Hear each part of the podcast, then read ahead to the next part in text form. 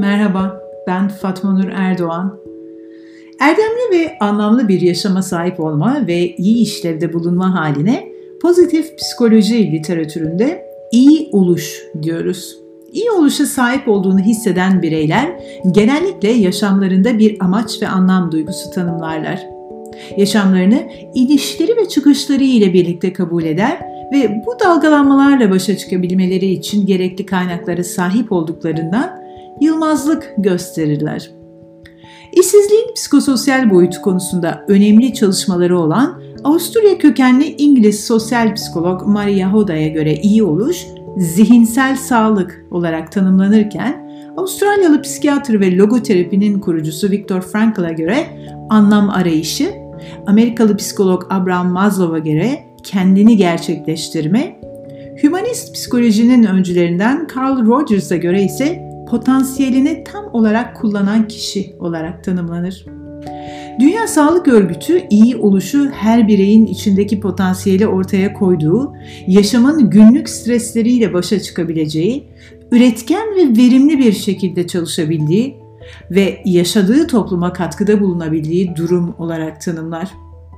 Geçmişten bugüne kadar olan yaklaşımları incelediğimizde iyi oluş haline sahip olmak için insanın sadece duygusal açıdan iyi olması hali değil, aynı zamanda yaşamı coşkuyla kucaklayabilmesi ve zorlukların üstesinden gelirken gelişme odaklı tutum sergileyebilme becerisinin olması gerekliliğini de anlıyoruz. İyi oluş bir toplumun kültürü ve değerleriyle de yakından ilişkili olduğundan ölçümü her ülkenin kendi kültürel bağlamı ve değerleri çerçevesinde değerlendirilir. 21. yüzyılın modern toplumunda anlamsızlık duygusu öyle sıkça yaşanmaya başlandı ki iyi oluşumuzu da etkiler oldu. Öyle ki insanlık tarihi boyunca anlam arayışı belki de hiçbir dönem bugün olduğu kadar önem taşımamıştır. Anlamlı bir yaşam sürdüğüne inanan insanlar genel olarak daha mutlular. Yaşam kaliteleri daha yüksek, fiziksel olarak daha sağlıklı, daha fazla seviliyor, daha az ruhsal bunalım yaşıyor ve yaşamlarından daha memnunlar. Öyleyse hayatımızın bir anlamının olduğunu hissetmek insana iyi geliyor. O halde neden sürekli bir varoluşsal boşluk içerisinde gidip geliyoruz? Neden hayatımızın anlamını kaybettiğimizi düşünüp anlam bulma telaşına giriyoruz? Bu yüzyılda belki de bu sorduğum sorunun en kritik cevaplarından biri iyi yaşayamamış olma duygusunun verdiği suçluluk, üzüntü ve acı olacaktır. Kabul edelim, anlam bulma çabasının kendisi dahi ürkütücü nitelikte. Hayatın anlamı var mı ki? Diye konuya daha karamsar bir noktadan başlayabiliriz ve daha da derin bir kuyunun içine kendimizi çekebiliriz. Hayatın bir anlamı var mıdır bilinmez. Nice düşünür yüzyıllar boyunca bu soruyu sormuş durmuş. Kimine göre hayatın bir anlamı yokken, kimine göre ise hayat tutunduklarımızdan bir anlam yaratmaya çabaladığımız yerdir. Biz bireysel olarak yaşadığımız boşluktan ve anlamsızlıktan kendimize daha iyi ve belki de daha doğru bir soru yönelterek çıkabiliriz. O soru şudur. Benim hayatımın anlamı nedir? Evrenin bir anlamı olmayabilir ama kendi hayatımıza bir anlam yükleyebiliriz. Eğer anlamı yitirdiğimizde anksiyete, depresyon, yaşama karşı isteksizlik, umutsuzluk veya kontrolsüz davranışlara yöneliyorsak ruh sağlığımızın bozulduğunu ve iyi işlevde bulunamadığımızı söyleyebiliriz. Bu durum iyi oluşumuzu olumsuz yönde etkiler. Varoluşçu psikoterapistler çalışanlarının anlam arayışlarına yardımcı olması için tek bir soru yöneltirler. Neden yaşamınıza son vermiyorsunuz?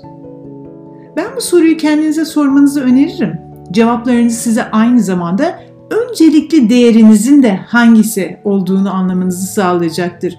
Bu soruyu daha olumlu bir cümle kalıbı olarak sormak isterseniz yaşamınızı sürdürme nedeniniz nedir sorusuyla değiştirebilirsiniz. Ve unutmayın insan sürekli bir değişim içindedir ve bu bağlamda toplumlar değiştikçe, değerler farklılaştıkça, yaşam evremiz değiştikçe inançlar yer değiştirdikçe hayatımızın anlamı da değişkenlik gösterebilir.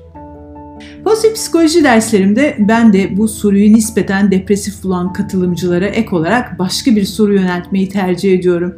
Bu soru University of Missouri psikologlarından Laura King'in anlam bulma üzerine yaptığı çalışmalara dayanıyor.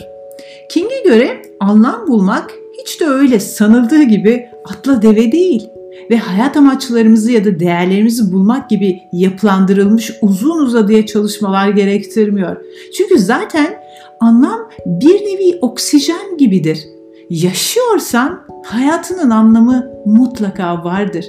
Nasıl oksijen aldığınız sürece yaşar ama oksijenim azaldı mı acaba diye her gün düşünmezseniz anlam da işte tam böyle bir şeydir. Anlam üzerine derinlemesine kafa yormak hayatınızı daha anlamlı hale getirmiyor. Yüksek sayıda araştırma da bunu gösteriyor. Tıpkı mutluluk üzerine sürekli düşünmenizin daha fazla mutlu olmanızı sağlamadığı gibi. King'in araştırmaları anlam arayışına takılmanın, sürekli anlam üzerine derin ve detaylı düşünmenin insanın anlamlı bir yaşam sürmesine negatif bir etkisi olduğunu gösteriyor. Öyleyse oksijeninizin azaldığını hissediyorsanız ve yaşamınızın anlamını sorgulama döngüsüne girdiyseniz durun, sakin bir ortama gelin, etrafınıza şöyle bir bakın ve düşünün. Yaşamınıza hangi anlar, hangi durumlar yön veriyor? Hayatınızın anlamını kaybettiğinizi sandığınız zamanlarda yaşama tutunacak bir sebep kalmıyor gibi geliyorsa anlamlı bir yaşamı sağlayan en temel kaynakların ne olduğunu bize yine Laura King'in araştırmaları veriyor. Bu araştırmalara göre yaşamımızı anlamlı kılan üç ana temel kaynak var. Bunlardan birincisi olumlu duygular. Kendinizi iyi hissettiğiniz ortamlara koyun ve yaşamınızın yeniden anlamlı olduğunu düşünmeye başlayacaksınız. Bitter kahveli bir çikolata yemek, bir filmi yeniden seyretmek, annenizin size yolladığı komik videoyu seyretmek, yüzmek, yürümek, en sevdiğiniz yemeği pişirmek gibi. Olumlu duygularla anlamlı bir yaşam arasında bir nedensellik ilişkisi var. Yani anlamı olan bir yaşamınız olduğunu düşündüğünüzde olumlu duygularınız yükseliyor. Olumlu duygular yaşayacağınız ortamlara kendinizi soktuğunuzda yaşamınızın anlamlı olduğunu düşünüyorsunuz. Çok önemli. İkincisi sosyal ilişkiler. Çok temel insani ihtiyaç olan sosyal ilişkiler.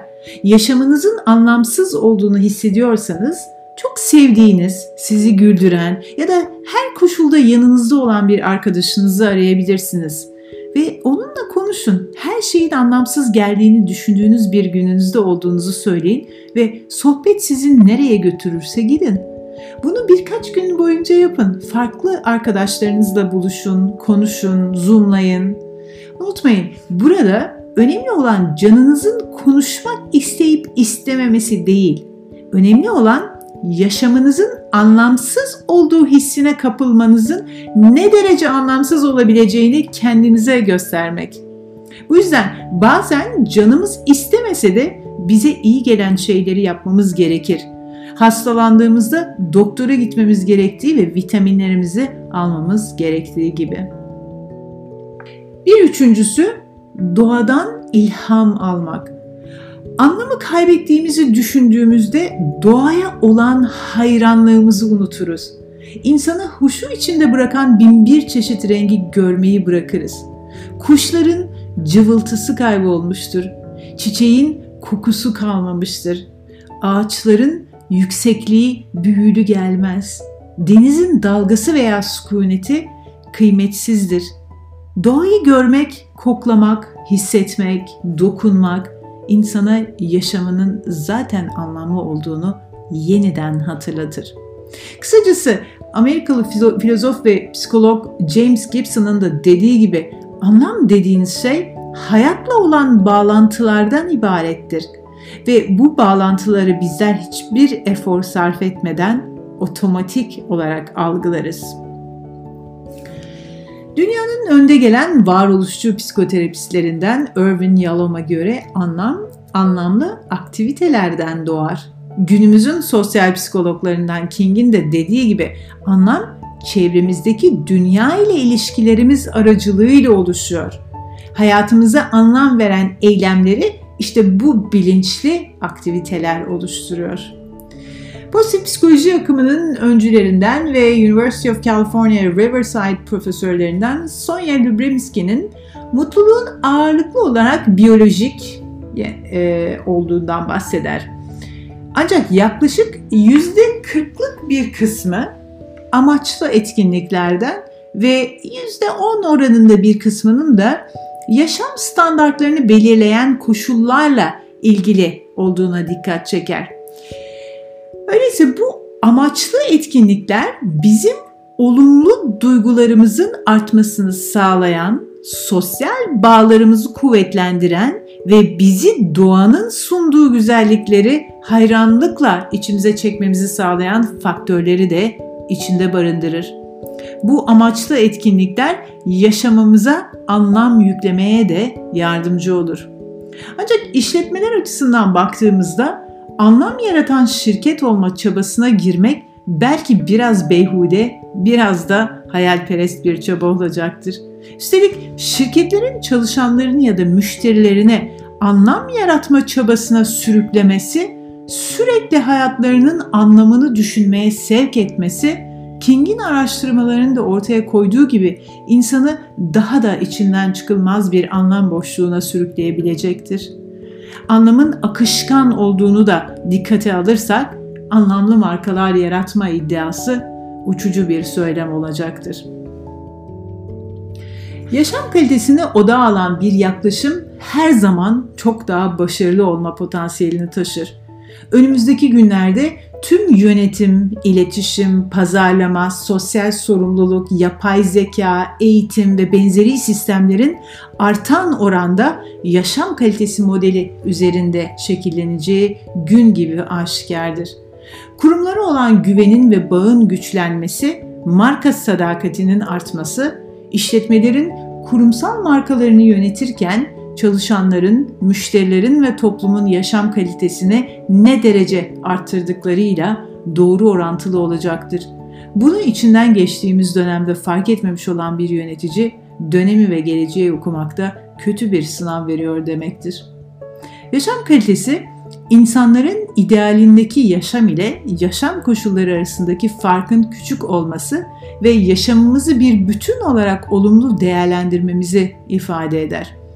Bu bağlamda yaşam kalitesi hem objektif hem de subjektif değerlendirmelerin bir bütünüdür. Başka bir deyişle yaşam kalitesi yüksek bir hayat mutlu bir yaşamdır. Pozitif psikoloji biliminin iyi bir yaşam için önerdiği %40'lık amaç akti, amaçlı aktiviteler ve %10'luk yaşam standardı alanları ancak ve ancak yaşam kalitesi temelli bir model ile entegre edildiği zaman işletmeler güven duyulan sosyal şirketlere evrilebilirler. Yaşam kalitesi modeli iletişim ve marka yönetiminde 7 temel alan üzerine inşa edilir ve 2013 yılından bu yana bu alanda şirketlere hizmet veren öncü şirket IPA Communications'dır. 2021 yılının Mart ayında yayınlanan Dünya Mutluluk Raporu'nda Türkiye 149 ülke arasında 11 sıra gerileyerek Dünya Mutluluk sıralamasında 104. sırada yer aldı. İlk 10'da yer alan ülkeler Finlandiya, Danimarka, İsviçre, İzlanda, Hollanda, Norveç, İsveç, Lüksemburg, Yeni Zelanda ve Avusturya oldu. Kuşkusuz bu ülkelerin mutluluğunu sağlayan faktörler insanların yaşamlarında salt bir amaç ve anlam duygusu tanımlamış olmalarından ya da kesintisiz bir neşe halinde olmalarından kaynaklanmıyor. Uzun yıllara dayalı çok çeşitli ve güvenilirliği test edilmiş araştırmalar bize gösteriyor ki mutluluğu sağlayan en temel faktör yaşam kalitesinin 7 temel dinamikleri üzerine inşa edilmiş çalışmaların sonucudur. Psikolojik iyi oluş, iyi oluşumuz için mutlaka gerekli ama asla yeterli bir faktör olmamaktadır. Yaşam standartları her ne kadar iyi oluşumuzu %10 seviyesinde etkiliyor olsa da 2020 yılında University of Penn profesörlerinden Matthew Killingsworth tarafından yapılan bir araştırma paranın mutluluk getirmediğine dair bulguları da çürüttü. Durum böyle olunca artık belli bir seviyenin üzerinde para kazanmanın mutluluğa bir katkısı olmadığını savunmak mümkün olmayacak. Bu araştırma dönemin değerlerindeki değişkenlik ve şeffaflık toplumunun yansıttığı gerçeklik ile de yakından ilişkilidir. Bir insan iyi bir yaşam sürdüm diyebilmek için ömrünü neye vermeli diye soracak olursanız ustaca yaşama becerisi kazanmaya vermeli derim. Ustaca yaşama becerisi kaliteli bir yaşam sürmenin bileşenlerini anlayarak ve uygulayarak insanın hem kendisinin hem de içinde bulunduğu toplumun yaşamdan aldığı doyumu artırma çabasından başka bir şey değildir.